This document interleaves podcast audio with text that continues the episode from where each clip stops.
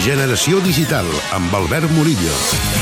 Si voleu veure el pantocràtor de l'absis central de Sant Climent de Taüll en versió pixelada, estic content de dir-vos que aneu a un nou canal de comunicació que ha inaugurat el Departament de Cultura de la Generalitat de Catalunya. Aquesta és la icona que han elegit els seus responsables per donar imatge a una finestra que ha de donar cobertura a tot el que a casa nostra s'està desenvolupant en àrees tan tecnològiques com els videojocs o les aplicacions mòbils. El més important, però, és mostrar també com vessants de la cultura més tradicional, com el circ, el teatre, la música o la dansa, afronten el canvi de model utilitzant l'eina tecnològica. Al blog hi trobarem tendències i novetats del sector digital, esdeveniments i trobades que tenen a veure amb la cultura de l'entreteniment digital i recursos que puguin servir per qui s'hi dediqui.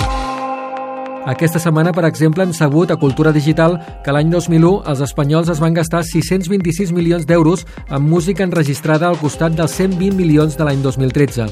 O també accedir a una llista amb totes les empreses catalanes que fan aplicacions per mòbils i tauletes. Per cert, el blog es diu Cultura Digital i es pot trobar a una adreça tan llarga que millor arribar-hi a través del cercador com a Cultura Digital GenCat. La creació del blog s'emmarca en un conjunt d'accions que ha iniciat el Departament de Cultura per col·laborar amb les empreses catalanes com per exemple les dedicades al desenvolupament de videojocs.